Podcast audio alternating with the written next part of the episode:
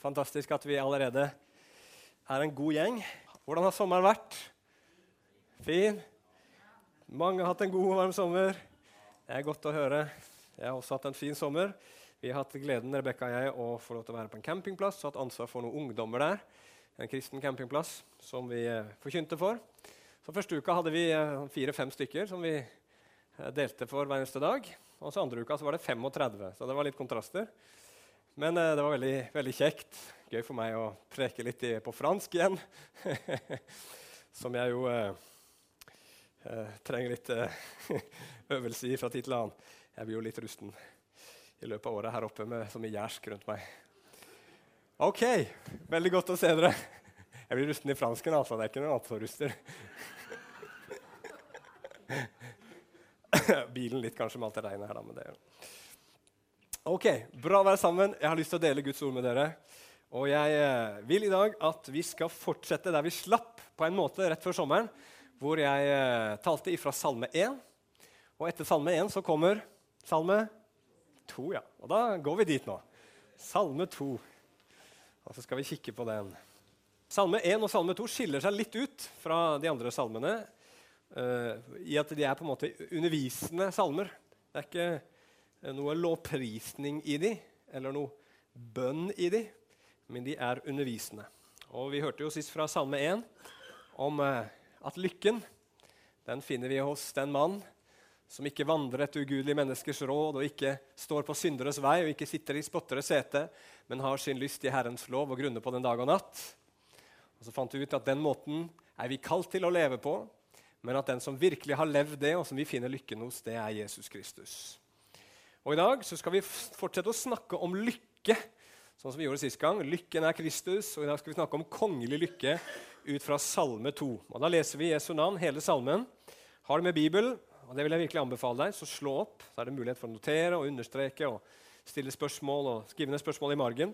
Og har du det ikke, så får vi det opp på skjermen her også. Salme 2, altså, fra vers 1. Der står det.: Hvorfor raser folkeslagene, og hvorfor planlegger folkene det som er nytteløst? Jordens konger stiller seg opp, og fyrstene rådslår med hverandre mot Herren og mot Hans salvede, og de sier:" La oss rive deres bånd i stykker og kaste deres rep av oss. Han som troner i himlene, ler. Herren spotter dem. Så skal han tale til dem i sin vrede, og i sin dype harme skal han slå dem med angst. Men jeg, jeg har innsatt min konge på Sion, mitt hellige berg. Jeg vil kunngjøre rådslutningen. Herren har sagt til meg, du er min sønn, jeg har født deg i dag. Be meg, og jeg skal gi deg folkeslagene som din arv, og jordens ender til din eiendom. Du skal knuse dem med jernstav, som pottemakerens leirkar skal du slå dem i stykker. Vær derfor kloke, dere konger. Ta imot formaning, dere jordens dommere. Tjen Herren med frykt og fry dere med beven. Kyss Sønnen for at han ikke skal bli vred og dere går fortapt på veien, når hans vrede et øyeblikk blir opptent. Salige er alle de som søker sin tilflukt hos ham. Amen. Kjære himmelske Far. Herre, takk at vi kan samles igjen her på Betel etter sommeren, Herre, og komme sammen for å prise deg og for å høre ifra deg. Og Herre, vi vet at disse ordene som du sa da du ble frista av djevelen, Jesus, at mennesket ikke lever av brød alene, men av hvert ord som kommer ut fra Guds munn. Og disse ordene er sanne, Herre. Utrolig sanne, utrolig viktige, Herre. Å Gud, og vi gjør vel, Herre, i å lytte til dem og ta dem til oss og praktisere de, Herre. At vi stiller oss opp, Herre Jesus, framfor ditt ord hver eneste dag ved å lese det selv, Herre, og gå på gudstjeneste og høre det forkynt. Herre, nå ber jeg om at ditt ord skal bli mat for vår sjel i dag, Herre. At du skal tale til oss, at du skal levendegjøre oss, Herre. At du skal korrigere oss, Herre. At du skal minne oss, Herre. At du skal fornye oss, Gud. At du skal la vår kjærlighet til deg vokse, Herre. Vår beundring og vår tilbedelse øke, Herre. At vi skal gå ut herifra, Gud. Forandra og forvandla. I Jesu navn. Amen. Og hjelp meg, Gud, til å tale ditt ord i dag. Amen. Dette her er en salme som eh, eh, liksom, de som driver og studerer dette, her, mener er en slags sånn kongeinnsettelsessalme.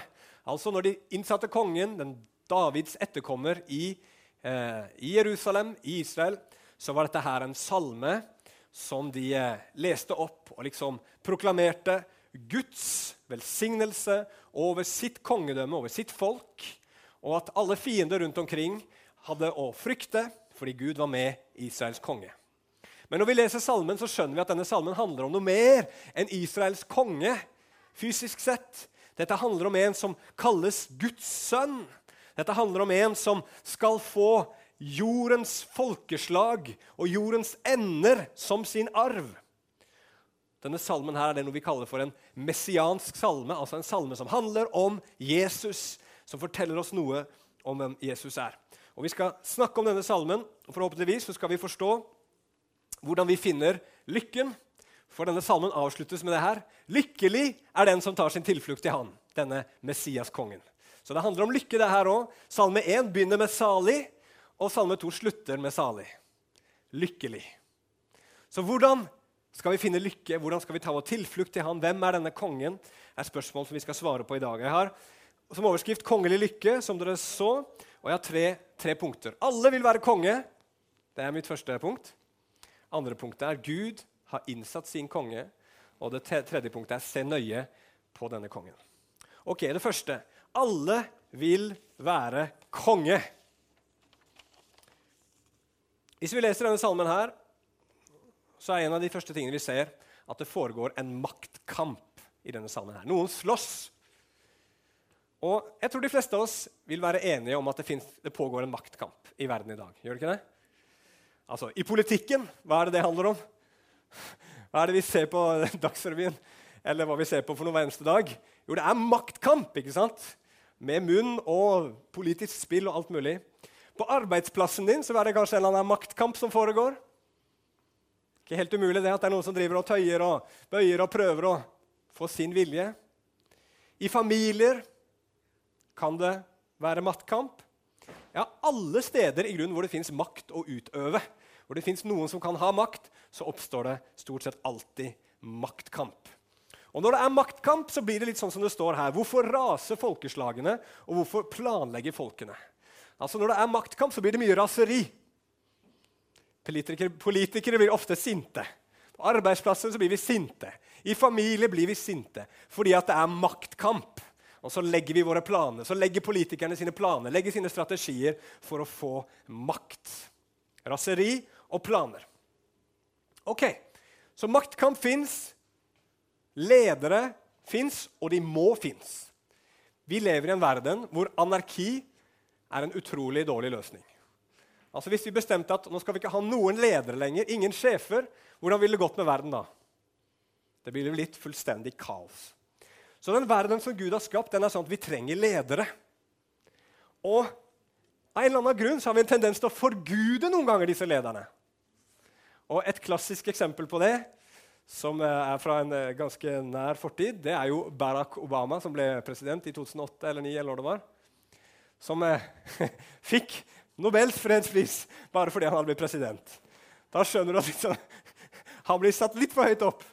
Altså, Hvis han hadde gjort noe stort og noe bra, så kunne de gjerne gitt ham Nobels fredspris. Men bare det å bli president uten å ha gjort noen ting, det kvalifiserer en ikke til Nobels fredspris. Men han var forguda. Han hadde store forventninger. Det var messianske forventninger til Obama da han ble president. Og mange ble veldig skuffa etterpå. Men vi har en tendens til å forgude disse lederne våre. Eller hater de. Nå har de jo fått en ny president i USA. Det har dere sikkert fått med dere. I hvert fall I mediene så eh, uttrykkes det jo ganske mye hat imot han. Han er ikke forguda, han er litt mer hata, og det er mange i USA som sier 'han er ikke min president'. ikke sant? Og hvorfor er det sånn at ja, vi trenger ledere, vi må ha ledere for at den verden skal fungere? Og så har vi en tendens til både å forgude de og hate de. Og det kan gå fra det ene til det andre ganske raskt også. Hvorfor er det sånn? Jo, fordi at bakenfor den maktkampen som fins i verden i dag, så finnes det en maktkamp som denne salmen beskriver, som er mellom Gud og mennesker. Om hvem som skal være konge. Og Gud, Da han skapte oss, så skapte han oss til å ha en konge. Vi kan ikke fungere, vi mennesker, uten noen over oss som forteller oss noe om hva vi skal gjøre, hva som er rett og galt osv. Så, videre. så vi, vi trenger en konge. Men Og, så, og vi lengter etter en konge. Derfor har vi en tendens til å forgude disse, konge, disse lederne våre. Men samtidig så fins det et problem at vi alle sammen dypest sett vil være konge. Hvorfor er det noen som sier om president Trump han er ikke min president? Hvorfor det? Jo, fordi han gjør ikke sånn som jeg vil. ikke sant? Jeg vil bestemme. Jeg vil at presidenten skal gjøre det jeg vil. Og Derfor er det sånn dypest sett at vi alle sammen vil være konge. Og hva er konge? Hva er en konge i Bibelen? Når vi tenker på konge, sånn som i Norge, så får vi ikke bildet av kongen slik som det beskrives i Bibelen. Kongen i Norge har null makt, eh, i grunn. Uh, han, er, uh, han, gjør en jobb for, Norge som vi kan være takknemlige for. jeg er på ingen måte mot konge. jeg er ikke noe, noe mot, mot, det. Men en konge sånn som vi ser i Norge i dag, er ikke en konge sånn som du finner i Bibelen. I Bibelen så var konge, kongen var den høyeste lederen. Han var lovgiveren, og han var dommeren. I dag i samfunnet har vi fordelt disse her utover. ikke sant? Det er Stortinget som lager lover, og det er regjeringen som leder, og det er domstolene som dømmer. Men på Bibels tid så var alle disse maktene konsentrert i kongen. Så kongen, han er sjef, lovgiver og dommer. Og det har ikke jeg lyst til. At en annen skal være det. Jeg vil være kaptein på min egen skute. Vil du ikke, vil du ikke være det? Kaptein på egen skute? Styre sjøl. Jeg vil bestemme hva som er rett og godt for mitt liv, hva jeg trenger. Og jeg vil også være den personen som kan ja, vurdere mitt eget liv, hvor bra jeg gjør det. Har jeg gjort galt, eller har jeg gjort rett? Ja, men det var ikke så galt som de sier. Jeg gjorde det på grunn av det og på grunn av det. Så er vi våre egne dommer også. Greia er, sånn som det står her i vers 3 La oss rive deres bånd i stykker og kaste deres rep av oss. Vi mennesker, vi vil være frie. Vi vil ha frihet. Er det noe galt med frihet, dere? Nei. Frihet er en fin ting i seg sjøl. Men vi har noen problemer vi mennesker, med det som har med frihet å gjøre. For, for det første, Hvis jeg sier 'jeg vil gjøre akkurat som jeg vil', så kan det jo hende at de tingene jeg vil, ikke er de tingene du vil. Og så kan det hende at de tingene jeg vil gjøre, går utover deg. F.eks. at jeg vil ha en veldig fin bil, Mercedes, og derfor så tar jeg din bil. For det var akkurat sånn bil som jeg ville ha. Da er jo jeg helt fri og gjør akkurat sånn som jeg vil. Men den friheten der den går litt utover din frihet til å beholde din bil, som du kanskje vil. Sant? Eller vil du ikke beholde bilen din? Så kan du fortelle det til meg. Eller noen andre som kanskje er interessert. Neida. Men dere skjønner hva jeg mener? Min frihet den kan gå utover andres frihet. Og for det andre frihet til å gjøre som jeg vil. Hva er det egentlig jeg vil? Altså Hvis du spør en narkoman, for, eksempel, for å ta et litt ekstremt eksempel Hva er det en narkoman egentlig vil? Altså, Vil en narkoman egentlig være fri fra narkotikaen? Eller vil en narkoman egentlig fylle seg med narkotika? Det er nokså blanda, er det ikke det? Hvis du spør en narkoman, så klart vil han slutte. Men samtidig så er det hver eneste dag vil han jo ha narkotika. Ikke sant? Og Sånn er vi mennesker. Vi har en vilje som på mange måter er nokså blanda. Vi vil mange gode ting, men veldig ofte gjør vi det ikke. Og så gjør vi veldig ofte mange onde ting vi egentlig kanskje ikke vil gjøre. Og så Dermed så blir frihet ikke bare frihet til å gjøre hva jeg vil, for det handler litt om at jeg faktisk klarer å gjøre det jeg vil, og ville det som er godt. Ikke sant? Så det å liksom bare si å, om bare liksom det fantes, ikke fantes noe Gud og noe konge og noe sjef i verden, så hadde alt vært bra hvis alle bare var frie. Det hadde ikke blitt så veldig bra.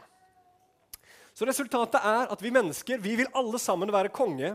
Og dermed så får vi ledere som hele veien er i opprør mot Gud. Og Mange er betutta i Norge i dag, for vi har gått fra å være et kristent land gjennom mange år, og nå ser vi ledere rundt oss som forlater det kristne grunnlaget som vi har i nasjonen vår, og så tenker vi at vi lever i en forferdelig tid. Men sannheten er at dette er ikke første gang det skjer. Du kan se det i Salme 2. Det har skjedd opp gjennom hele historien. Det er det ene. Og det andre er at lederne, sånn som vi også ser i den salmen, her, er egentlig bare et uttrykk for folket. Altså, Hvordan begynner den salmen her?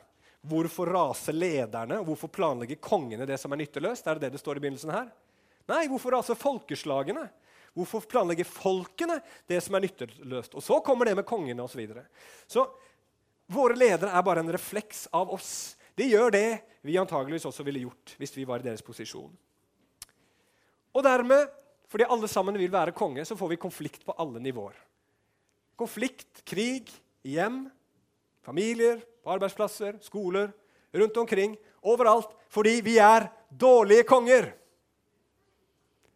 Du og jeg er dårlige konger. Kan ikke du bare si det? Jeg er en dårlig konge. Ja, ok, jeg skal slippe å si det, men, men, du er det for det. Jeg hørte en litt sånn morsom historie om en mann som fikk møte Gud. Og så fikk han lov til å stille et spørsmål. Og hvilke spørsmål tror du han stilte? Jo, han sa selvsagt Gud, hvorfor er det så mye ondt i verden? Og så sa Gud ja, det var litt merkelig. Det var akkurat det spørsmålet jeg hadde tenkt å spørre deg. Og på mange måter så er det jo sånn. Hvorfor er det så mye ondt i verden? Og så peker vi på Gud. Men hvem er det som vil være konger og styre her nede hele veien? Og som skaper den verden sånn som den er? Jo, det er jo vi. Ok, Så hva gjør Gud, da? Jo, Gud, alle, Når alle vil være konge, så står det Punkt nummer to Gud velger sin konge. Altså Gud, Når vi liksom kommer til Gud og sier vi vil være konge, vi vil hive av oss alle dine eh, lenker og bånd, alle de reglene du har sagt, så ler Gud, og så blir han vred, står det i den salmen her. Først så ler han. Altså Han ler fordi vi er så stormannsgale og så inkompetente som vi er. Altså Vi har jo verken kraft eller makt til å kunne styrte Gud eller til å forandre noe som helst grunnleggende ved den verden vi er en del av. Har vi det? Altså Hvis vi vil bestemme oss for at opp er ned og ned er opp, kan vi fikse det i morgen? Vi kan jo prøve. Vi kan late som det. Vi kan ta på oss briller alle sammen som snur liksom verden opp ned. og så kan vi prøve å, leve som opp er ned og ned opp. Men det går ikke. Vi kan ikke forandre virkeligheten. Vi har ikke noe makt til å være konger. Det er latterlig at vi mennesker skal for, forsøke å forstyrre noe som vi er så svake eh, i forhold til. Og for det andre så er vi jo helt fullstendig inkompetente. Hvis ikke jeg klarer å styre mitt eget liv engang, hvorfor i all verden skal vi da, jeg, jeg, da skulle kunne styre denne verden som vi er en del av. Er du med? Hvis en eller annen fyr krasjer med traktorgressklipperen sin og ikke klarer å styre den engang, så vil du ikke låne av bilen din. Ja, ok. Men så står det videre at Gud ikke bare ler, men han blir vred. Hvorfor det? Jo, fordi vårt opprør imot Gud som konge er ondskap. Og det bærer frukt av smerte, urettferdighet og død og elendighet i verden. Og Hvis ikke Gud ble vred og sint når han så på all den elendigheten som var nede på jorda, så hadde han ikke vært en god gud. Og Fordi han er en god gud, så ser Gud på det, den elendigheten som er i verden, og så blir han sint, og så gjør han en ting. Hva gjør han ifølge salmen? Jo, han sier, 'Jeg bestemmer hvem som skal være konge'. Jeg bestemmer hvem som skal være konge. Og hvem er denne kongen? Jo, det står i denne salmen her at han er den salvede. Og det er på hebraisk Mashiach, som betyr også Messias. Så dette er Messias, det ser vi i vers 2. Herren og mot hans salvede. Så denne kongen det er Messias. Så ser vi i vers 7 at han er Guds elskede sønn. Du er min sønn, sier, har Gud sagt til han. Han er født av Gud. Denne kongen har Guds natur. Og denne kongen skal få herredømme over alle folk og alle land. Og han skal få makt, denne kongen, til å knuse all motstand. Han skal være konge. Og Det betyr at han kommer til å være sjef, han kommer til å være lovgiver og han kommer til å være dommer. Inkludert over mitt liv og ditt liv. Det betyr at han har fått rett ifra Gud til å sette retning. Dette er det livet handler om. Dette er det du skal leve for. Han kan få lov å komme inn og si det i mitt liv og i ditt liv. Han har fått rett ifra Gud fordi Gud har innsatt han som konge til å si noen ting om hva vi kan, hva vi ikke kan, og hva vi må gjøre. Han kan si noe om hvilke tanker og hvilke følelser vi har lov til å slippe til i våre liv, og hvilke ikke vi har lov til å slippe til. Han kan si noe om hvilke ord vi har lov til å bruke, hvilke ord vi ikke kan bruke. Hvilke ord vi må bruke. Hvilke handlinger eh, vi kan gjøre, hva vi skal gjøre med eiendelene, hva vi skal gjøre med tiden vår. Hva jeg trenger, hva jeg egentlig trenger. Alt dette her er det kongen som Gud har satt inn, som får lov til å bestemme. Han har absolutt autoritet over absolutt alle mennesker. Og han, det, fortelles det her, har fått makt av Gud til å dømme og til å straffe også. Han skal knuse all motstand. Og så står det her at han også kan bli vred, og mennesker går fortapt som en konsekvens av at man har stått imot og synda imot denne sanne kongen. Og det er spørsmålet Vil du ha en sånn konge? Vil du ha denne kongen som Gud har satt inn? Denne kongen som har absolutt makt, som får lov til å bestemme over ditt liv, som får lov til å fortelle deg hva du kan og ikke kan gjøre, og hva du må gjøre. Hvem vil ha den kongen? Høres det kjekt ut å få en sånn konge over livet sitt, som har absolutt autoritet over ditt liv? Vel, Før du svarer på det spørsmålet, så vil jeg punkt tre, at du skal se nøye på Guds konge. For her i salmen så står det i vers 10.: Vær derfor kloke, dere konger. Gå derfor viselig fram. Denne kongen presenteres, og så sier Gud, vær vis, vær klok, tenk deg godt om, se nøye på denne kongen før du handler. Se nøye på denne kongen. Hvorfor det? Hvorfor det er så viktig? Jo, for at Jesus, vet du, vet du hva han beskrives som i Bibelen? Veldig mange steder. Han beskrives som en snublestein. Altså en som folk snubler over. Alt så greit ut, men så snubla de over den snublesteinen, og så gikk de på trynet. De snubla over Jesus istedenfor at han skulle bli det som Gud hadde tenkt han skulle bli i menneskenes liv. Så snubla de over han og gikk på trynet istedenfor.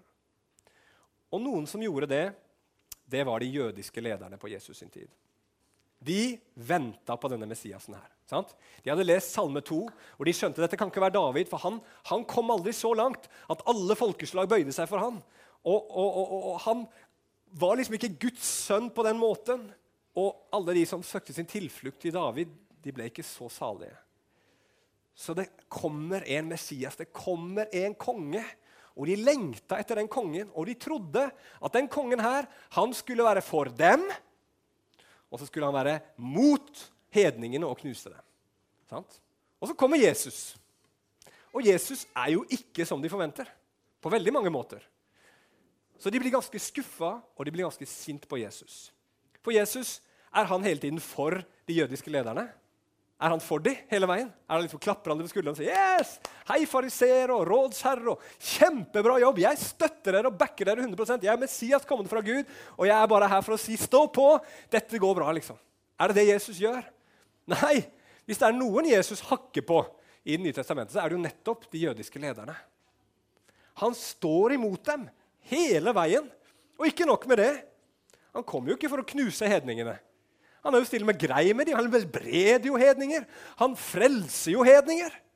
Og, og, liksom de som var syndere i Israel òg. Han er jo for dem og hjelper dem og løfter dem opp. Hva i all verden er det galt med denne Messiasen her? tenker de. Og de blir så provoserte og så sinte på Jesus, og de føler seg så trua at de slutt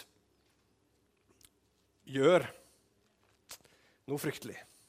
La oss lese i Apostlenes gjerninger 4, og så leser vi fra vers 25.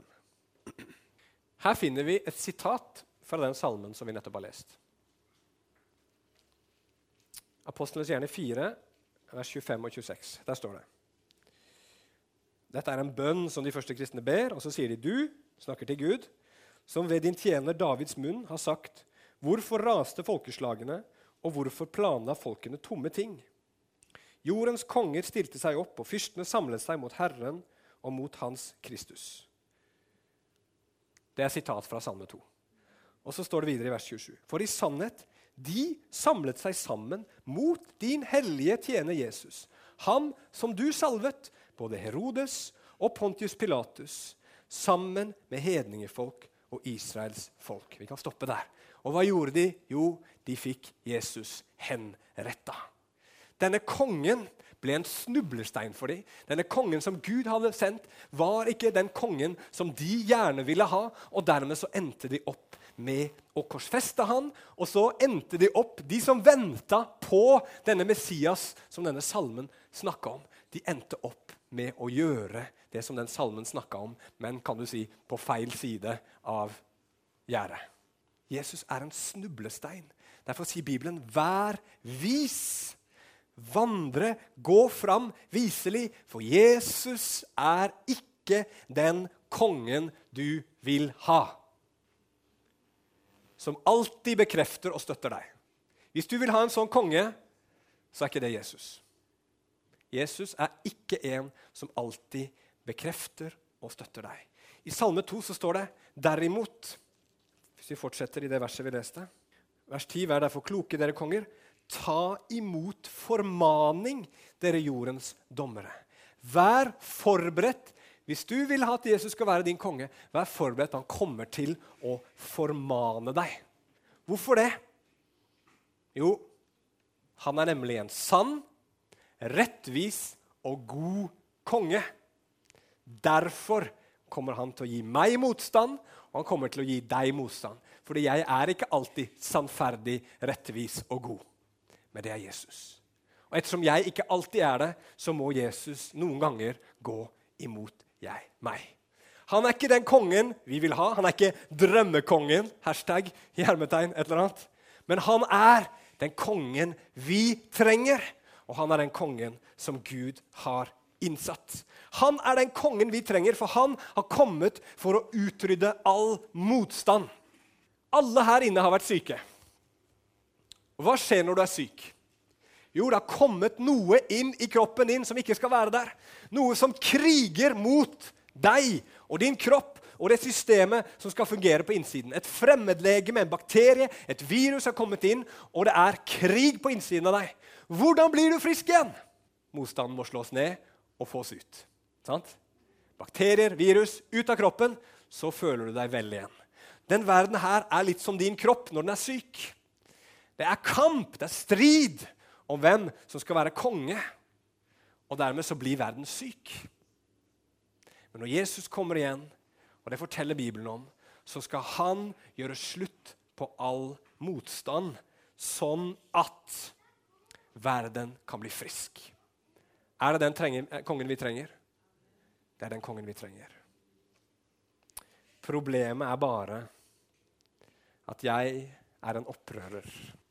Problemet er bare at jeg er en del av problemet, ikke en del av løsningen. Og hva i all verden skal jeg gjøre da for å unngå at denne Jesus, som er god, som kommer en dag, og det sier Bibelen, skal komme en dag fysisk tilbake igjen til Jerusalem, opprette sitt rike på jorda.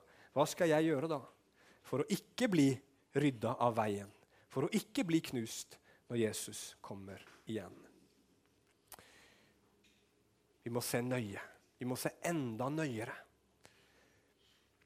Se på denne kongen. Hvordan ble han satt inn? I vers 6 og 7. Men jeg, jeg har innsatt min konge på Sion, mitt hellige berg. Og så snakker kongen. Jeg vil kunngjøre rådslutningen. Herren har sagt til meg, du er min sønn, jeg har født deg i dag.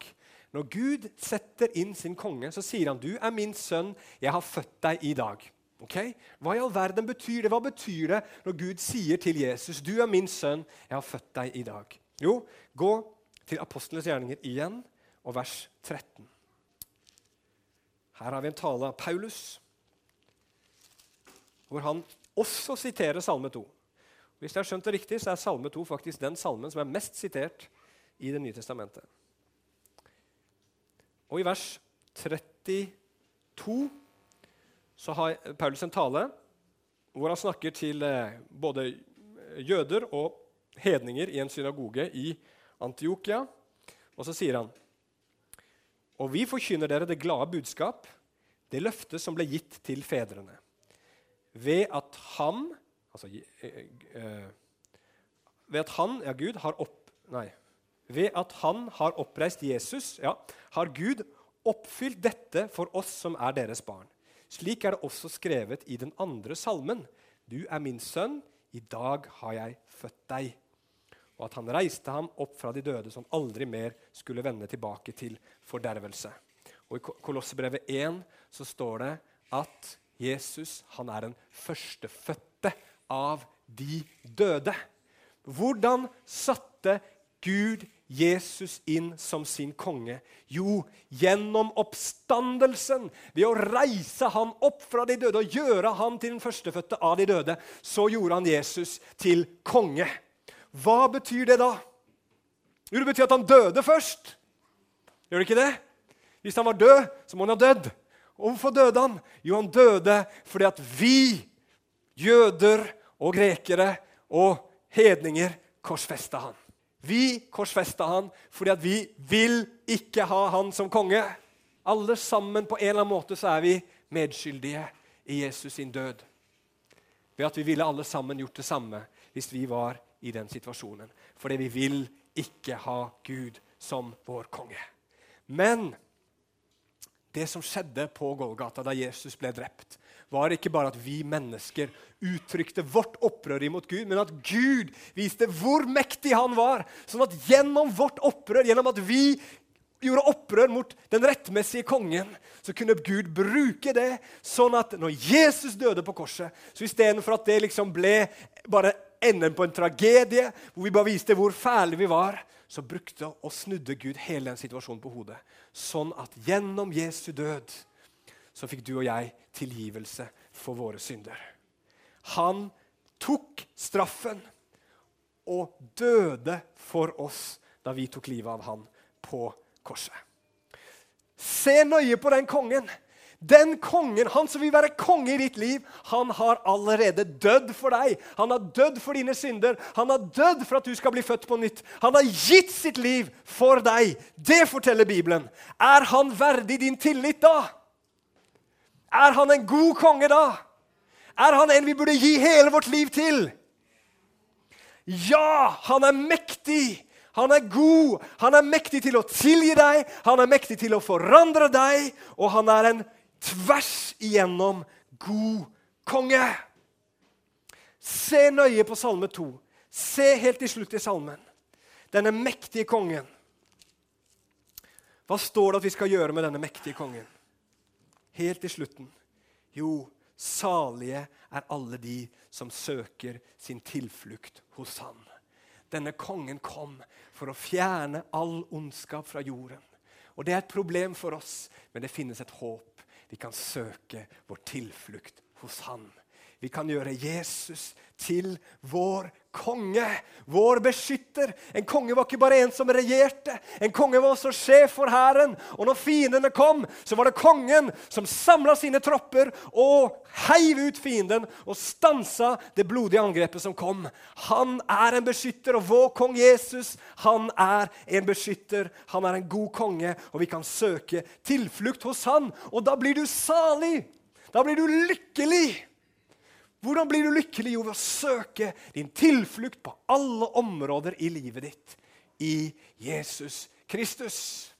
Og Da tror jeg det blir litt sånn som det står her om Jesus. Tjen Herren med frykt og fryd dere med beven. Hva slags forhold skal vi ha til Jesus? Jo, han er en god konge.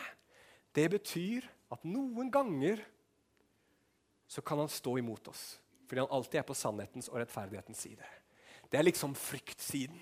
La oss være litt nøye. La oss ha ærefrykt for Jesus. For han er alltid på sannhetens side. Vi kan ikke bruke han til for, våre formål. Vi kan ikke bruke han til å liksom være eh, den som, som, som, skal alltid eh, gi oss vår vilje når vi ber eller prøver å få ting til. Men selv om han kan noen ganger stå imot deg, så er han alltid for deg. Det er Jesus. Han kan noen ganger stå deg, mot deg, men han er alltid for deg, for han elsker deg. Se nøye på denne kongen. Er det den kongen her du vil ha? Eller vil du selv være konge, eller vil du gjøre et menneske til konge i ditt liv? La meg avslutte med å stille noen praktiske spørsmål som vi kan tenke igjennom. Lar du Jesus være konge i ditt liv? For det første, har du latt han frelse deg? Har du gitt ditt liv til denne gode kongen, som vil være din tilflukt, og som vil styre ditt liv til det gode? Hvis ikke, så må du bøye kne for han i dag. Så Jesus, vær min konge og min herre. Frels meg. Og så vil han gjøre det. Det andre La Jesus være konge i mitt liv gjennom å kjenne hans vilje. Vet du hvem Jesus er? Er du en kristen, men kjenner du hans vilje? Vet du hvem Jesus er? Vet du hva han vil med livet ditt? Vet du hva hans tanker er? Vet du hva Jesus sier et rungende ja til? Vet du hva Jesus sier nei til? Vet du hva Jesus sier? 'Dette kan du gjøre.' Vet du hva Jesus sier? 'Dette må du gjøre'. Kjenner du hans vilje? Og Hvis ikke, så må vi gå i denne boka her og lære han å kjenne. Én ting er å si Jesus er konge, men hvis ikke du vet hvem han er, så kan du ikke virkelig la ham være konge i livet ditt heller. Så les Bibelen, lær Jesus å kjenne, forstå hvem han er. For han er virkelig en god konge. Og Jesus sier det, 'Kom til meg, alle dere som strever av tunge byrder, og jeg skal gi dere hvile.'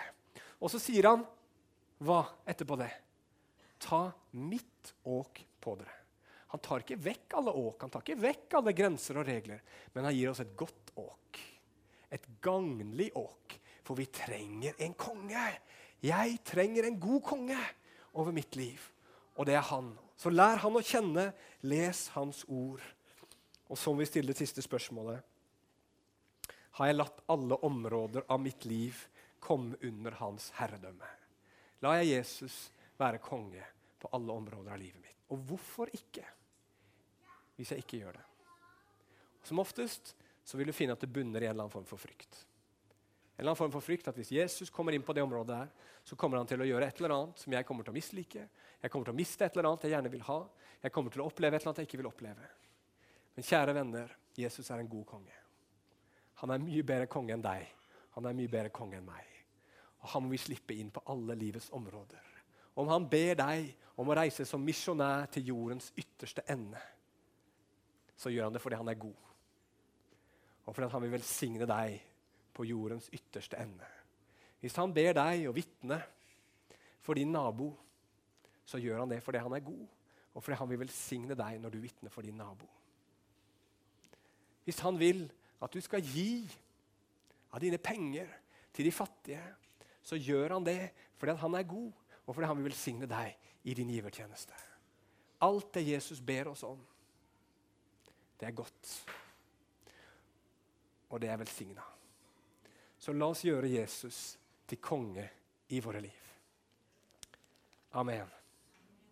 Kjære himmelske Far. Herre, takk at du har talt til oss igjen. Herre, vi vil bøye våre kne og hylle deg, kong Jesus, i dag. Herre, takk at du er konge over hele jorda. Takk at vi slipper å være konge. Og takk at vi slipper å sette vår lit til alle disse udugelige kongene som fins rundt omkring oss, Herre Jesus. Mange er dyktige, og mange kan mye, Herre Jesus. Men til syvende og sist så svikter de alle sammen, Herre. Men du er den gode, sanne, evige kongen som vi kan søke tilflukt hos. Å Hellige Ånd, må du bare hjelpe oss til å bøye våre hjerter for kong Jesus i dag slippe deg, Jesus, inn på alle områder i vårt liv. Og ikke holde noe tilbake, så du kan få lede oss dit hvor du vil, inn i din velsignelse og inn på din gode sti, Herre. I Jesu navn. Herre, takk at lykken fins hos den som har gjort deg til sin konge og funnet tilflukt hos deg. Amen.